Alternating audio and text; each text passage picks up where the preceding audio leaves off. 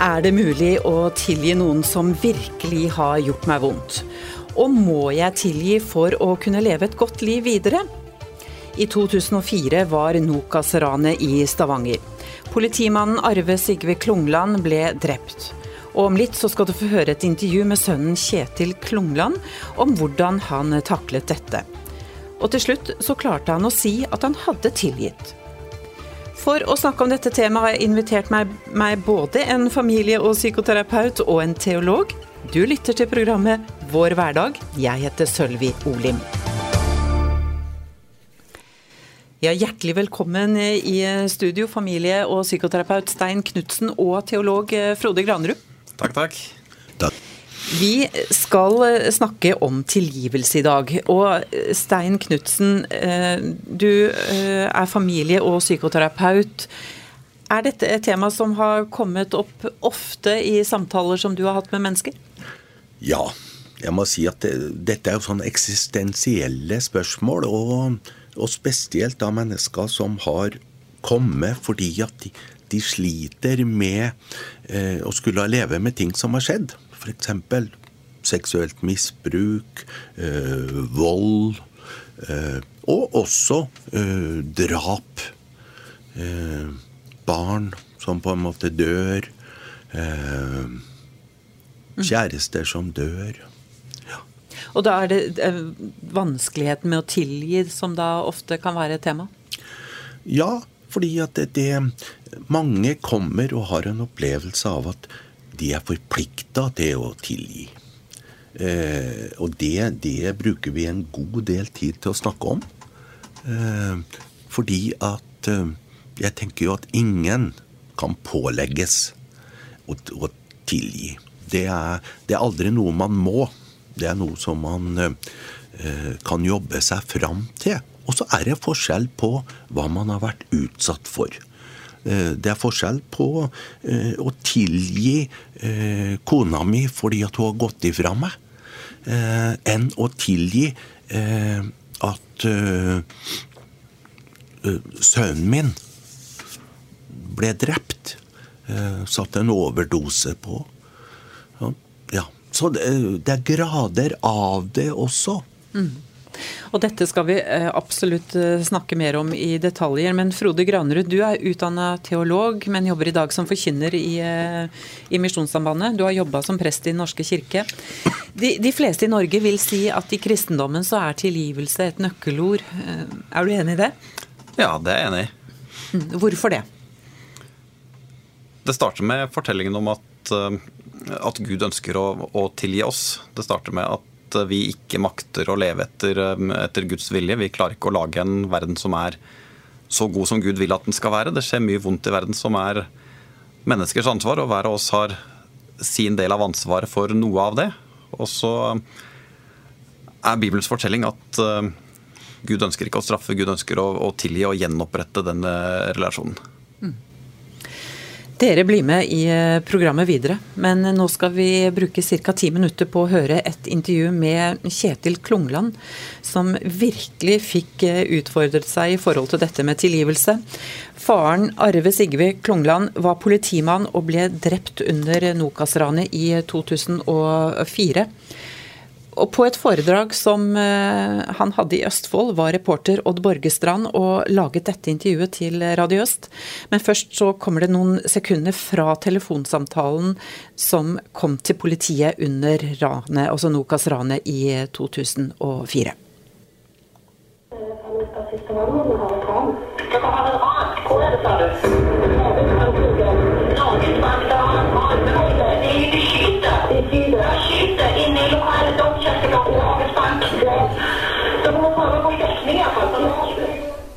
Her hørte vi noen sekunder av lydloggen til politiet fra ransdagen da din far Arne ble skutt og drept. Og her på Solbukta forteller du din historie under gubbeleiren med overskriften 'Livskvalitet'. Eh, din far blir altså drept, og du velger å kalle foredraget 'livskvalitet'. Da må jeg spørre hvorfor? Mm. Det var fordi at eh, selv om jeg opplevde en dramatisk hendelse eh, i, tilbake i 2004, så opplevde jeg òg å etter hvert ha en, en, ganske god livskvalitet. Og litt av eh, Litt av måte, grunnlaget for det som jeg kaller for en god livskvalitet, det er liksom det jeg snakker om i foredraget. Og du kan si, du kan si tre eh, punkter som jeg eh, har vært med på at jeg kaller det for livskvalitet, og som jeg snakker om i foredraget. Det er dette med forberedelse. At jeg hadde gjort meg noen tanker forut eh, for dette som skjedde, og at noe kan skje. Og eh, hva gjør jeg hvis det som ikke skal skje, skjer? Og eh, da hadde jeg på en måte lagd meg en slags plan da, i hodet for hva gjør jeg da? Mm. Eh, og det gjorde at eh, når dette da skjedde, så var det ikke sånn at alt falt i grus. Eh, jeg opplevde det som at ok, dette har jeg tenkt kunne skje, og har en plan for det. Og så gjennomførte jeg den planen som jeg hadde da. Det andre punktet i det som jeg også kaller for livskvalitet, er utfordringer. Jeg opplevde å gå inn i utfordringene som jeg fikk servert så opplevde jeg at jeg fikk en veldig mestringsopplevelse i etterkant. Jeg kunne få en utfordring, enten det var kontakt med media, eh, møte ranerne, andre utfordringer. Eh, så kunne jeg grue meg litt. Så forberedte jeg meg, så tok jeg utfordringen, så kjente jeg på mestringsopplevelse. Og det var en av de andre nøklene i forhold til livskvaliteten. Den siste nøkkelen som jeg tenker er et stort bidrag til min livskvalitet, det er dette med tilgivelse. Det å kunne gi en tilgivelse eh, og da kjenne på i etterkant at en sikrer min egen livskvalitet. Det er jeg sjøl som får nytte godt av tilgivelsen eh, med å, å, tilgi. Til å begynne med så, så måtte jeg finne ut av hva tilgivelse var for meg. Eh, fordi at tilgivelse tror jeg kan bety så mye fra forskjellig fra person til person. Og når jeg var liten, så var tilgivelse veldig enkelt med at jeg gjorde noe vondt mot søsteren min eller foreldrene mine, og så kjente jeg på en anger, og så ba jeg om tilgivelse, og så var det liksom at nå var det greit og glemt. Mens nå fikk tilgivelse en helt ny dimensjon. For jeg hadde ikke behov for å si at det som ble gjort, var greit. Og jeg hadde heller ikke behov for å glemme. Men jeg så at med å tilgi, så er det jeg som får nytte godt av tilgivelsen. Og da tenker jeg at ja, hvordan kunne jeg vite at jeg hadde tilgitt? Og, for jeg kjente på at jeg får ikke et bedre liv om at de får det hardere i fengsel eller får det strengere, lengste straffene. Eh, jeg får ikke et bedre liv av det. Men jeg kjente òg på at hvis jeg tilgir, så er det jo jeg som får den gode livskvaliteten tilbake med å slippe å gå med et liv som er båret av sinne, hat og ønsker til hevn.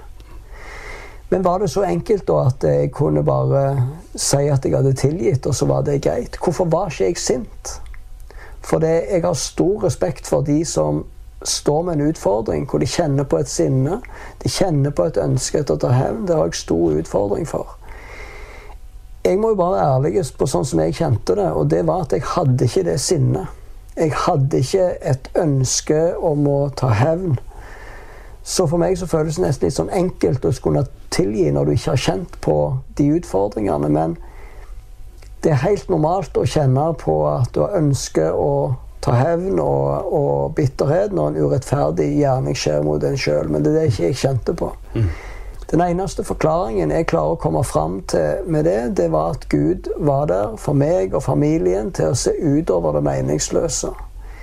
For jeg klarer ikke å finne noen annen forklaring på hvorfor jeg ikke var sint. Ble du tilgitt mye som barn sjøl? Oh, det husker jeg ikke, men, men eh, jeg, jeg, gjorde, jeg, var en rabagass da jeg var liten. Jeg har alltid hatt lite godt i oppførsel. og, og uh, de kalte meg for Villminken, for jeg var høyt og lavt. Men, men eh, tilgivelse har jo vært eh, ganske grunnleggende i, oppveksten. Mm. Og det òg som har vært grunnleggende i oppveksten min, det har vært eh, den gylne regel. Mm. Det du vil at andre skal gjøre mot deg, skal du òg gjøre mot andre. Det har vært noe som mine foreldre har prøvd å lære meg og søsteren min. Men hva er det med deg da som gjør at du, du undertrykker både sinne og hevn?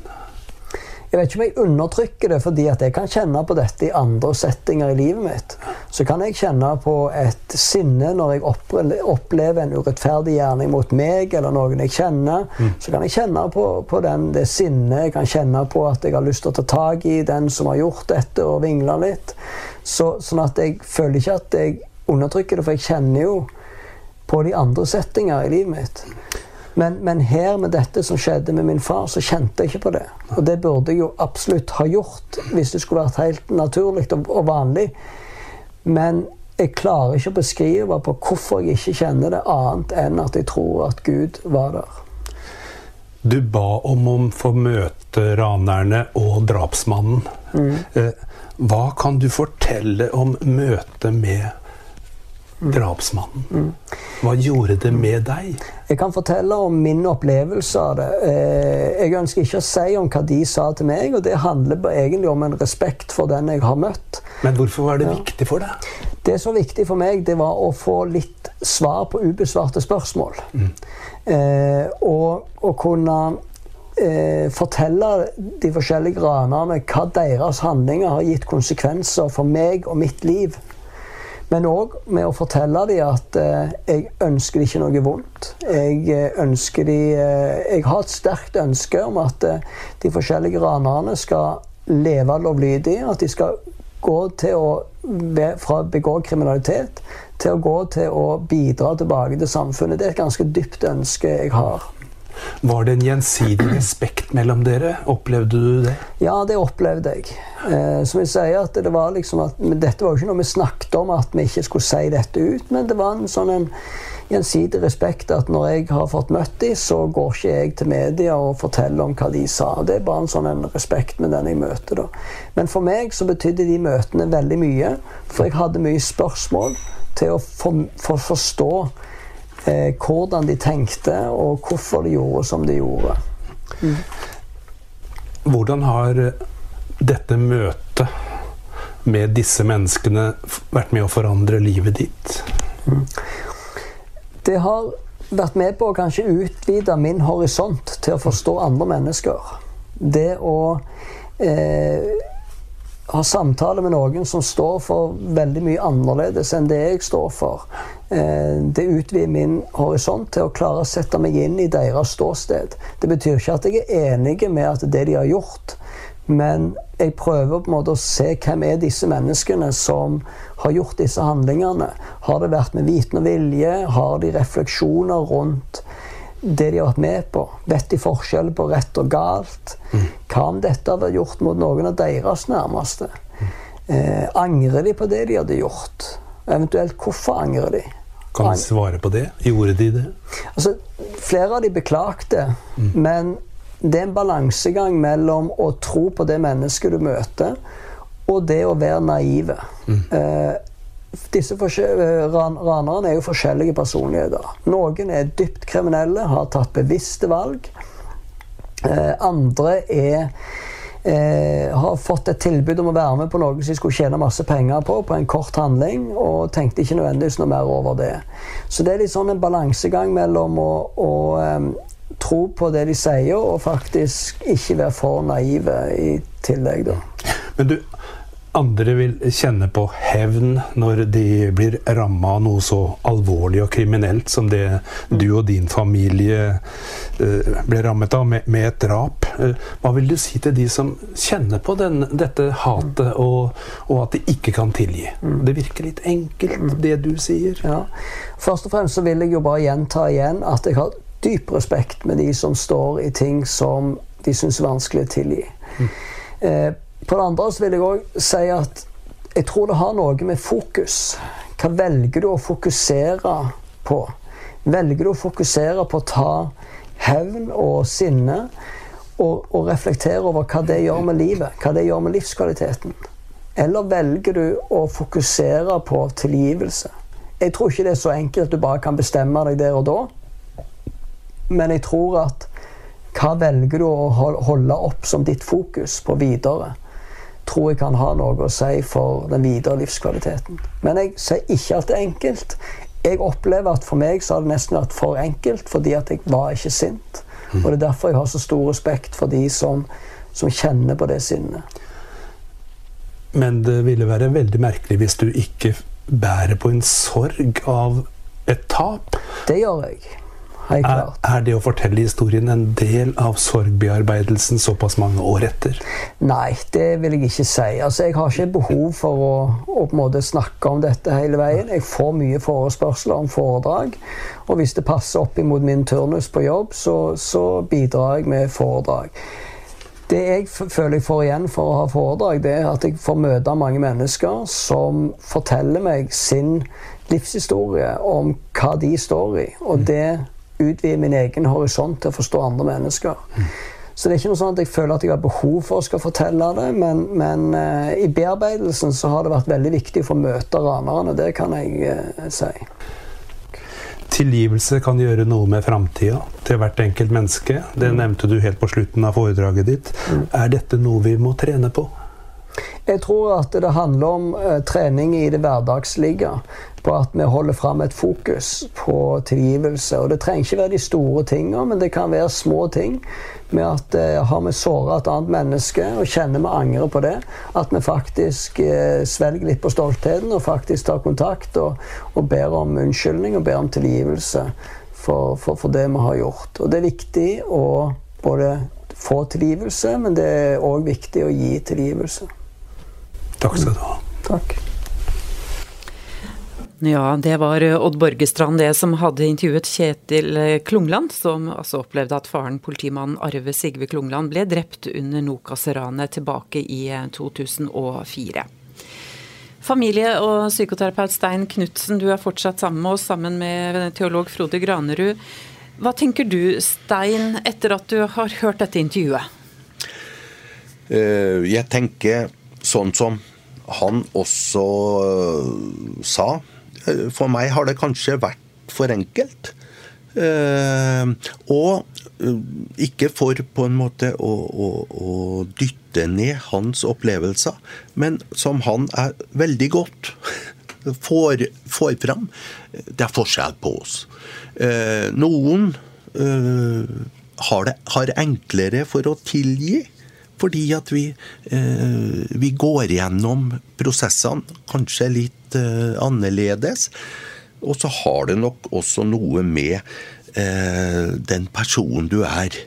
Eh, har, man, har man noe som f.eks. Eh, gjentar seg med jevne mellomrom hver gang jeg tenker på eh, onkelen min som på en måte misbrukte meg over flere år.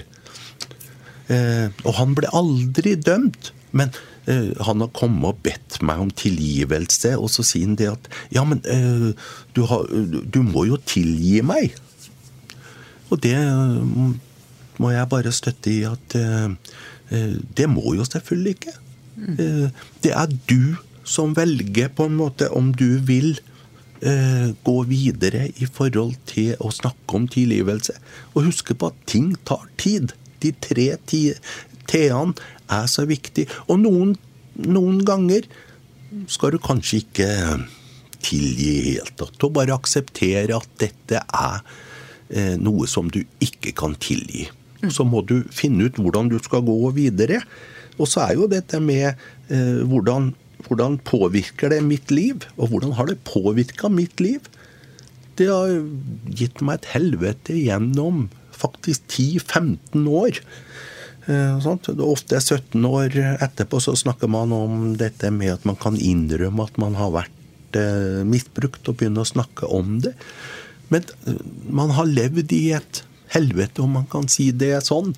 Og da, da kan man ikke bli pålagt å be om tilgivelse. Før vi snakker om konkret om det, så vil jeg gjerne høre fra deg òg, Frode Granerud. Du er teolog, om hva du tenker etter du har hørt dette intervjuet med, med Kjetil Klungland? Jeg syns det er en eh, sterk fortelling. Eh, og, og det er eh, det, det er fint å høre at det kan være på den måten.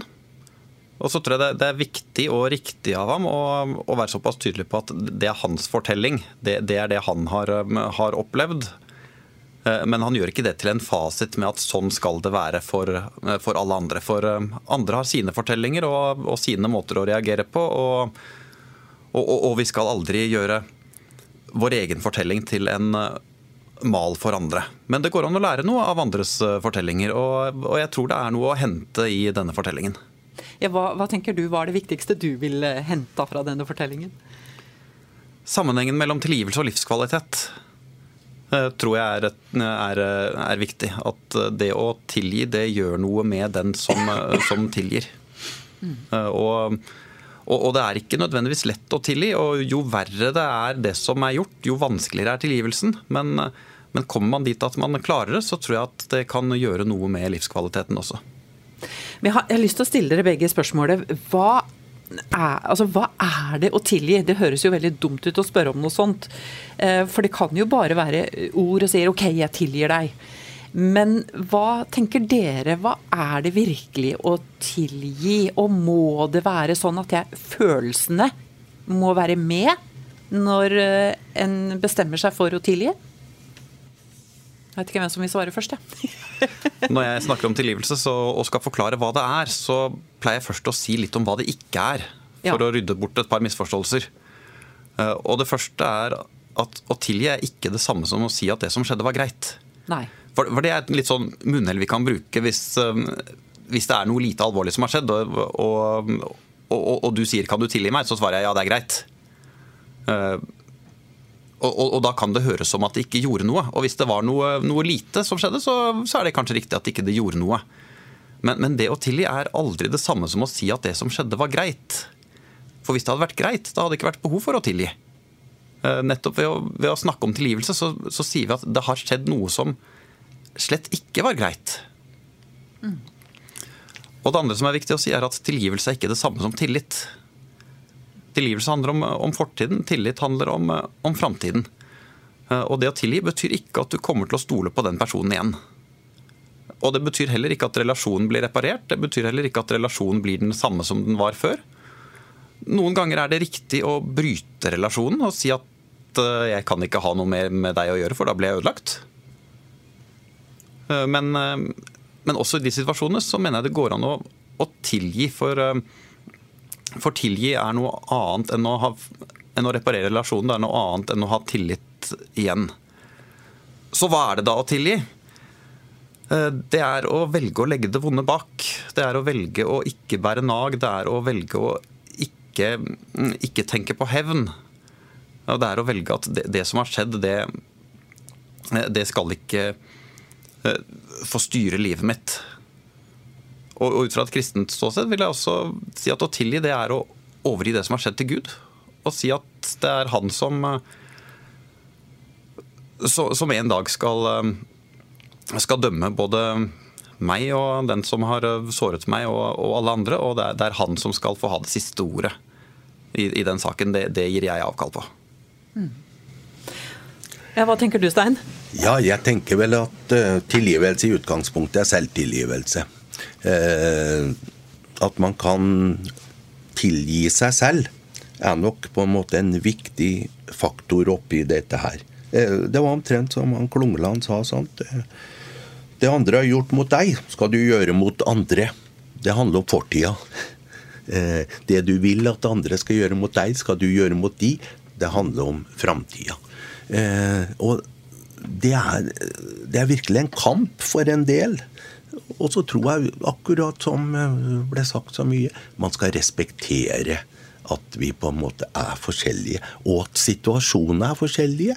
Eh, og dette blir nok også sånn hvor, hvor, Igjen tilbake til dette. Eh, du kan ikke pålegges å tilgi. Men eh, for livskvaliteten din så kan det være viktig å finne ut hvordan kan du gå videre med dette her. For noen ganger så eh, trenger du ikke å møte eh, overgriperen eller voldsmannen eh, for å tilgi. Du trenger ikke engang å fortelle, fordi at han fortjener ikke, hun fortjener ikke tilgivelse. Men jeg vil tilgi at jeg har de følelsene og de tankene jeg har, slik at jeg kan, jeg kan eh, begynne å bearbeide de. Men det er jo ikke sånn at tiden leger alle sår, og det må vi på en måte akseptere. Eh, men vi kan få det bedre med hvis vi begynner på en måte å tenke annerledes. Men det blir ja, Nå brukte jo Klungland dette begrepet naiv. Det blir litt naivt å tro at dette handler bare om et valg. Jeg kan bare velge å snu. Eh, og så enkelt er ikke livet når man har vært utsatt for alvorlige situasjoner. Så hva, Du sa i stad, eh, og du gir da råd noen ganger om at eh, de som sliter med at de ikke klarer å tilgi, de, du, du, ber dem ikke om eh, å stresse mer med det? Du ber dem bare la det ligge? Ja. Kanskje, må, kanskje er det riktige du gjør nå, det er å begrave den som har vært eh, overgriper, eller den som har utsatt deg for dette her. Det vil si at du, du avslutter, sånn som eh, også han sier. Eh, du, du, går videre. Eh, men uten på en måte at nødvendigvis tilgivelse skal, skal, bety at du skal gi overgriperen noen ting. Mm. Hva tenker du, Frode? Må man møte den som har gjort deg noe vondt, og si 'jeg tilgir deg' for at det skal være en tilgivelse? Nei. Det, det kan være en del av et, um, et oppgjør, uh, men, men, det trenger ikke være det. Hvis man ønsker å komme dit at man, at man gjenoppretter relasjonen, hvis det er en situasjon som kan repareres, så, så kan det være både, både nyttig og, og nødvendig. Eh, men det er ikke en forutsetning eh, for å tilgi. Og, da har vi den siden av det som handler om at tilgivelse også handler om min livskvalitet. Da kan jeg si med meg selv at dette har jeg tilgitt nå, og derfor legger jeg deg bort. Jeg, jeg vil ikke bære mer på det. Og det, det, kan du si uten å si et ord til, til den du tilgir. Mm. For det kan jo være at den eh, som har gjort noe vondt mot en, også er gått bort så man ikke kan møte den. Mm. Men, og det kan hende at den personen ikke har noen som helst erkjennelse av at han har gjort noe galt. Ja. Og, og da da ligger du ikke til rette for en, for en god samtale der. Mm. Men, men, også uten den erkjennelsen fra den andre siden, så, så er det mulig å tilgi. Og Jeg har jo møtt en del som, som sier det at uh, overgriperen min han kommer og sier at uh, 'jeg har fått tilgivelse'. Jeg har bedt uh, Jesus om tilgivelse, og jeg har fått tilgivelse. Mm. Så jeg har ikke noe problem med det jeg har gjort. Nei. Det, um, Hva tenker du om det, Frode? Ja. Når noen sier det. Hva ville du, hvordan ville du eh, reagert på det? Jeg ville først og fremst spørre deg, Hvordan har de som, eh, de som har fått den meldingen, reagert på det? Har de syntes det har vært greit, eller har det vært rart og feil for dem? Det har blitt riv ruskende feil. Fordi, mm. fordi at eh, da har man begynt å stille spørsmålstegnet ved dette med eh, Og da kommer man inn på, selvfølgelig utafor mitt kompetanseområde, det kristne budskapet rundt dette med at, at eh, Be om tilgivelse, og du vil få det fra Jesus. Og så eh, ja, minne litt om sånn, når vi snakker om historie, sånn avlatsbrev. Ja, at man på en måte kan, eh, kan slippe på en måte å måtte forholde seg til f.eks. overgriperen. Nei, eh, den eh, som man har begått overgrep mot. Ved at man bare kan si at ja, nei, jeg ba om tilgivelse, og jeg fikk det, så uh, nå er det ikke noe problem for meg lenger. Mm. Nei, jeg vil jo si at hvis hvis det den personen sier er sant, at han har bedt eh, Gud om tilgivelse og, og, fått det, så er det fint. Men det betyr ikke at du skal ta det opp i enhver sammenheng. Og det betyr eh, i, i, hvert fall ikke at du skal bruke det på den måten som du, eh, som du forteller om, om, her. For det, da, da, kan det fort bli lett et uttrykk for at man bagatelliserer det som har skjedd. Jeg har fått tilgivelse fra, fra Gud, så da, da, er det ikke noe mer å, å, å snakke om. Mm. Så jeg vil, si at har du fått tilgivelse fra Gud? Fint, men uh, hold deg fortsatt litt på avstand fra den, uh, den du forgrep deg mot, og ikke begynne å snakke, snakke om det med, med, den personen. Ja, så hold det for deg selv, uh, fordi at av og til vil dette være dobbelt overgrep. Ja, det, det kan fort bli maktspråk, det også. og Det, det kan, kan, være at man underforstått bagatelliserer det som skjedde. Og, og, og, si det er vi ferdig med. Men det, det er ikke overgriperen som bestemmer om, man er ferdig med det, det er det den andre som gjør. Men Frode Granerud, Bibelen sier jo mye om tilgivelse. Eh, sier ikke Bibelen at vi skal tilgi hverandre? Jo da, Jesus eh, forteller en, en historie i, i Matteus 18 om en om en eh, kar som hadde en enorm gjeld til en konge. En gjeld han ikke kunne betale. og Så ber han kongen om å, om, om å få ettergitt den gjelden. Og, og, og kongen eh, sier ja, det, det, er greit, jeg, jeg ettergir deg det, det, du skylder. og, og vi, snakker om helt enorme verdier. og Etterpå møter han en, en kollega som skylder ham litt penger, bare småpenger i, i sammenligning. Og, og, denne kollegaen eh, har ikke noe å betale med og spør eh, Eh, kan, kan, du ettergi meg gjelden? Og han som da nettopp har fått ettergitt en hel masse, han sier ikke tale om. Og, og, og får han kastet i gjeldsfengsel, som eh, var eh, en, en, ordning på den tiden. Og, og da de, de, andre kollegene får høre om dette, så går de til kongen og forteller hva som har skjedd. Og da kaller kongen til seg han første igjen og sier at hele gjelden etterga jeg deg, og, og, så vil ikke du ettergi din kollega det, det lille han skyldte deg. Og så bærer rett i gjeldsfengsel med harde fangevoktere for, for han første også. Og så avslutter Jesus den fortellingen med å si at slik skal også min himmelske far gjøre med hver og en av dere som ikke av hjertet tilgir sin bror. Mm. Og, og, når vi snakker om sånne fortellinger som, som du jobber nær på, så er, så er, ikke den enkel å forholde seg til. Uh, og, og, du sier at, uh, at tilgivelse er ikke noe man skal pålegges. Og til, til det vil jeg svare at uh, Gud pålegger oss mye av, av, mange slag som vi ikke klarer å holde. Fordi det, det Gud pålegger, pålegger oss, uh, er godt, og klarer man å tilgi, så, så er det godt. Men klarer man det ikke, så tenker jeg at da skal vi få gjøre det samme med det som vi gjør med alt annet som Gud pålegger oss som vi ikke klarer å leve opp til. Og det er å overgi til Guds nåde og si at dette klarte jeg ikke. Men jeg må få, få, få stole på at dette også er noe som du tilgir meg, og som jeg kan legge på din nåde. For det er også en en, en, grunnsetning i den kristne tro at vi er frelst ved nåde, ikke fordi vi er så flinke til å, til å gjøre som Gud vil. Og skal vi få det til å gå opp, så, så må vi få tenke sånn at Gud, Gud, ber oss om å tilgi, men klarer vi det ikke, så, så får vi nåde for det også. Mm. Vi skal absolutt prate mer sammen om dette her, men vi må ha litt grann, uh, musikk. Og vi spiller litt instrumentalmusikk av Secret Garden. 'Song from a Secret Garden'. Men så er vi øyeblikkelig tilbake fra studio. Ja, du lytter til eh, programmet Vår hverdag. Og mm, i studio så har jeg besøk av to gjester i dag. Frode Granerud som er teolog, og Stein Knutsen som er familie- og psykoterapeut.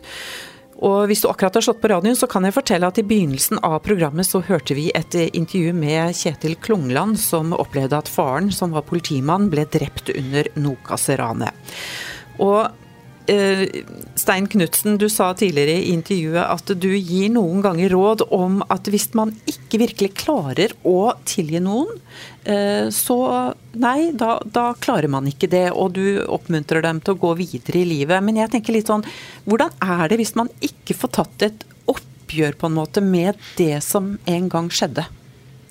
Noen ganger er det nok bare en realitet at det meningsløse, det klarer man ikke å ta et oppgjør med. Og det er greit òg. Eh, men så tenker jeg på dette med livskvaliteten min. Hvor stor plass skal dette få lov til å ha videre? Og det er jo noe av basisen for f.eks. psykoterapeutisk eh, samtale. Sånn? Det å få hjelp til å kunne fortsette å leve eh, til tross for at du har denne historien med deg. Eh, og det å kunne bearbeide historien uten at du på en måte skal eh, kunne kvitte deg med den. Men uh, finn ut hvordan kan du leve med den, hvordan kan du leve med veien videre. Eh, og ja, få litt hjelp til på en måte å tenke annerledes om dette her. For det, det er jo tankene som på en måte er min tanke. Eh, det er tankene som gjør følelsene, og det er eh, tankene som gjør følelsene, og de handlingene jeg på en måte eh, trekker ut av det. Og av og til så går det an å få det litt bedre. Noen ganger går det an å få det mye bedre. Og noen ganger så klarer man på en måte å kunne legge ting bak seg òg. Mm. Men det skal ikke være, være noe pålegg om at er, du er et dårligere menneske hvis du ikke klarer å, legge det bak deg. Eller som ble sagt sånn, Du er ikke et dårligere menneske om du ikke klarer å tilgi.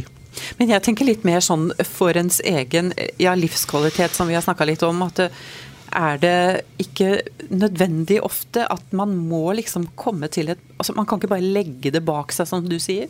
Tenker jeg, da. Men du mener at noen ganger så må man det?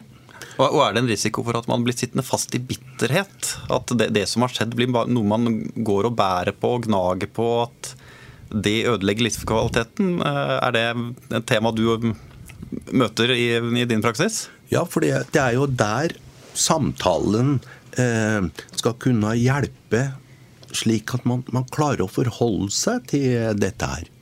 Eh, men at, at eh, det er av og til er det godt nok om du klarer å eh, finne en måte hvordan du kan leve med det så mange timer som mulig i døgnet, f.eks.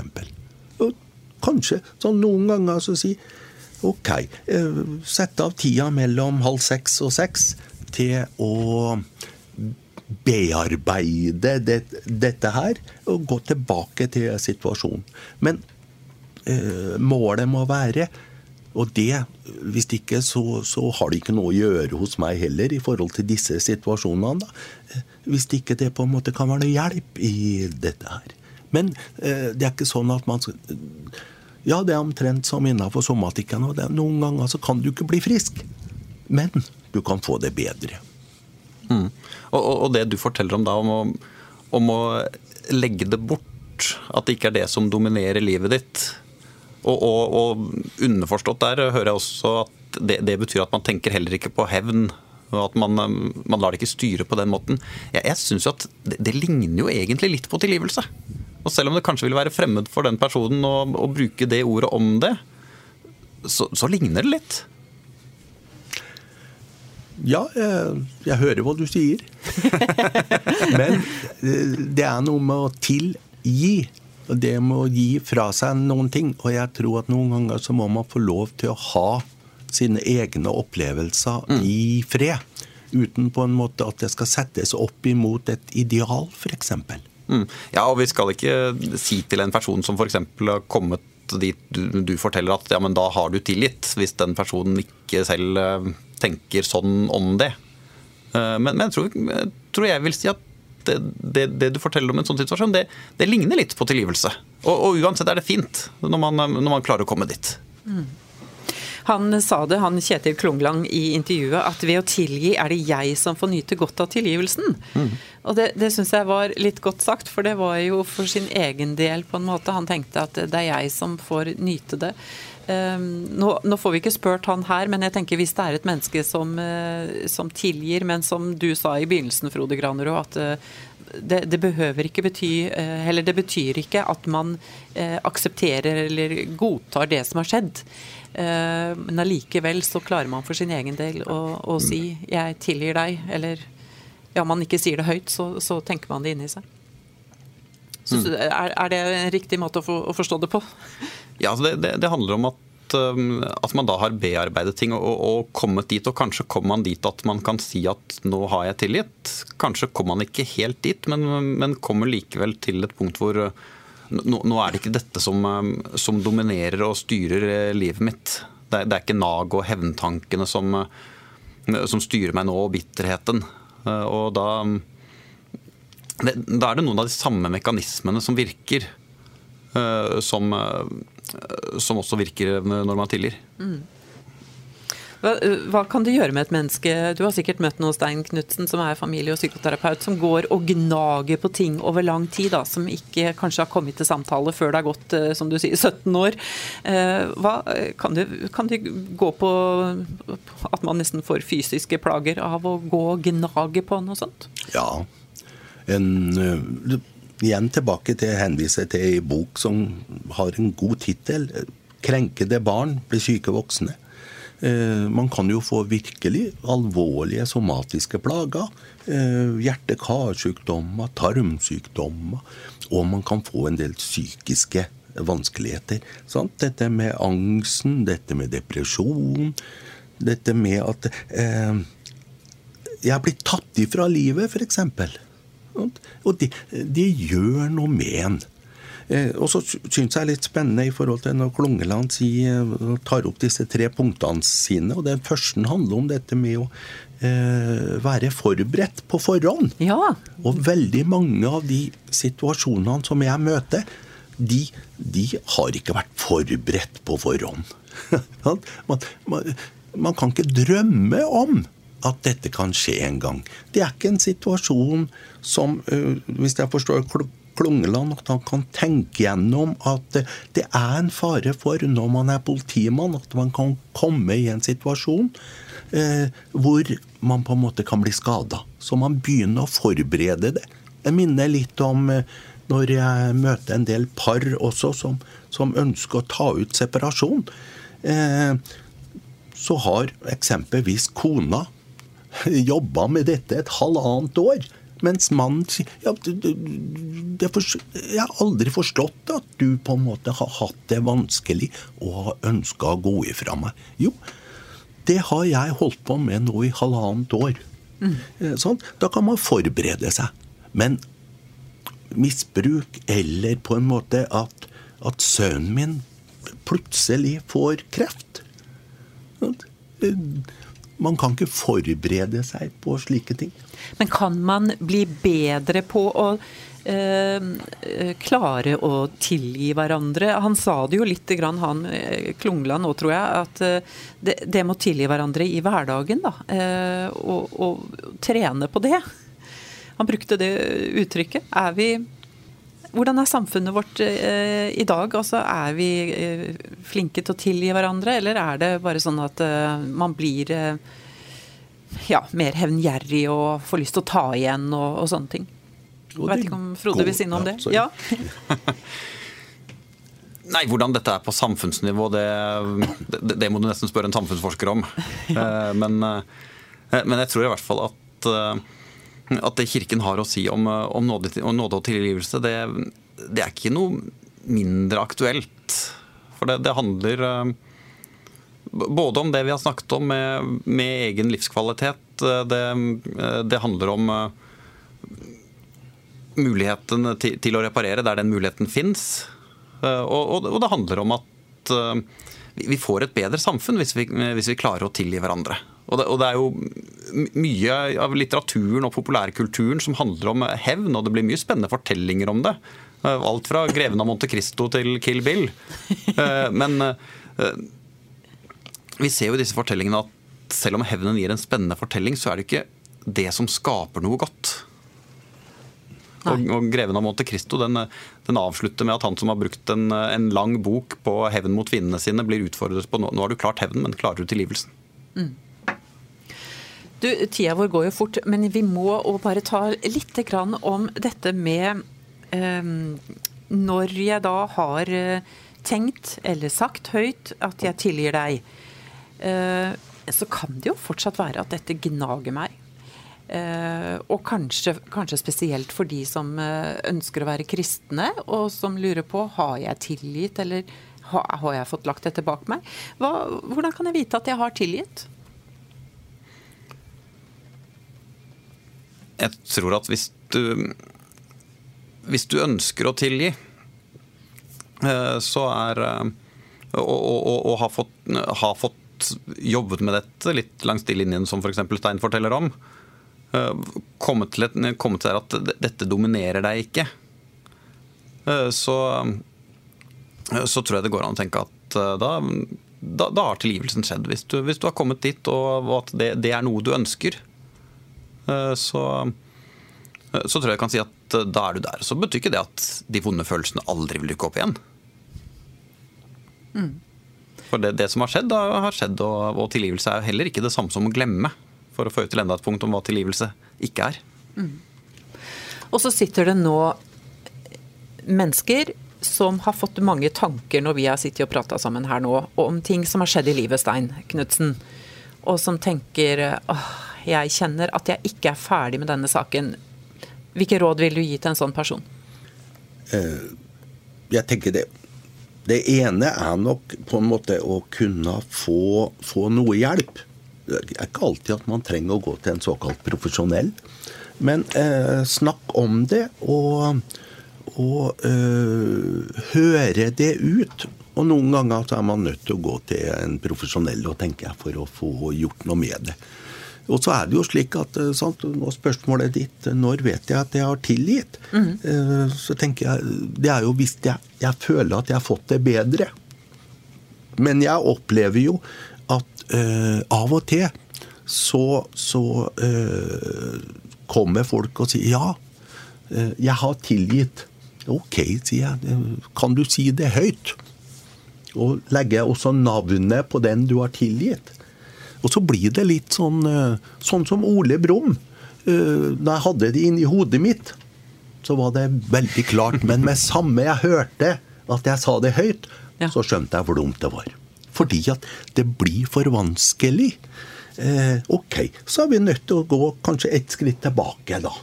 Og så eh, igjen tilbake til ting tar tid. Mm. Eh, ikke, ikke pålegg deg.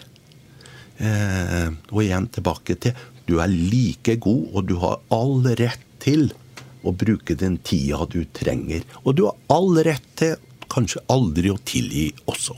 Også øh, hvis man på en måte har det kristne budskapet oppi hodet sitt, så, så ja. Øh, Kanskje man kommer dit hen at jeg klarer ikke å tilgi, men jeg håper at Vår Herre tilgir gir meg for det. Mm. Mm. Ja, jeg tenker det, det, er noe av det som må stå igjen etter dette programmet. At vi, vi, skal ikke legge en fasit for mennesker at sånn skal det være. Eh, jeg vil holde fram at tilgivelse er et, er et godt ideal. og, og, en, viktig del av, den kristne troen. Både Guds tilgivelse for oss og vår tilgivelse for hverandre. Men det må få ta tid. Og det kan aldri kreves, det kan bare gis som en gave. Og det kan, um, kan ta lang tid, kan ta årevis å komme dit, og kanskje kommer du aldri dit. Og, um, og da må vi få tenke at da er det sånn det er nå. Og så Om det vil være på samme måte om et år eller om ti år, det vet jeg ikke, men nå er det sånn, og det, det kan jeg også stå i. Tusen takk eh, begge to for at dere var med i studio. og Familie- og psykoterapeut Stein Knutsen og teolog Frode Granerud.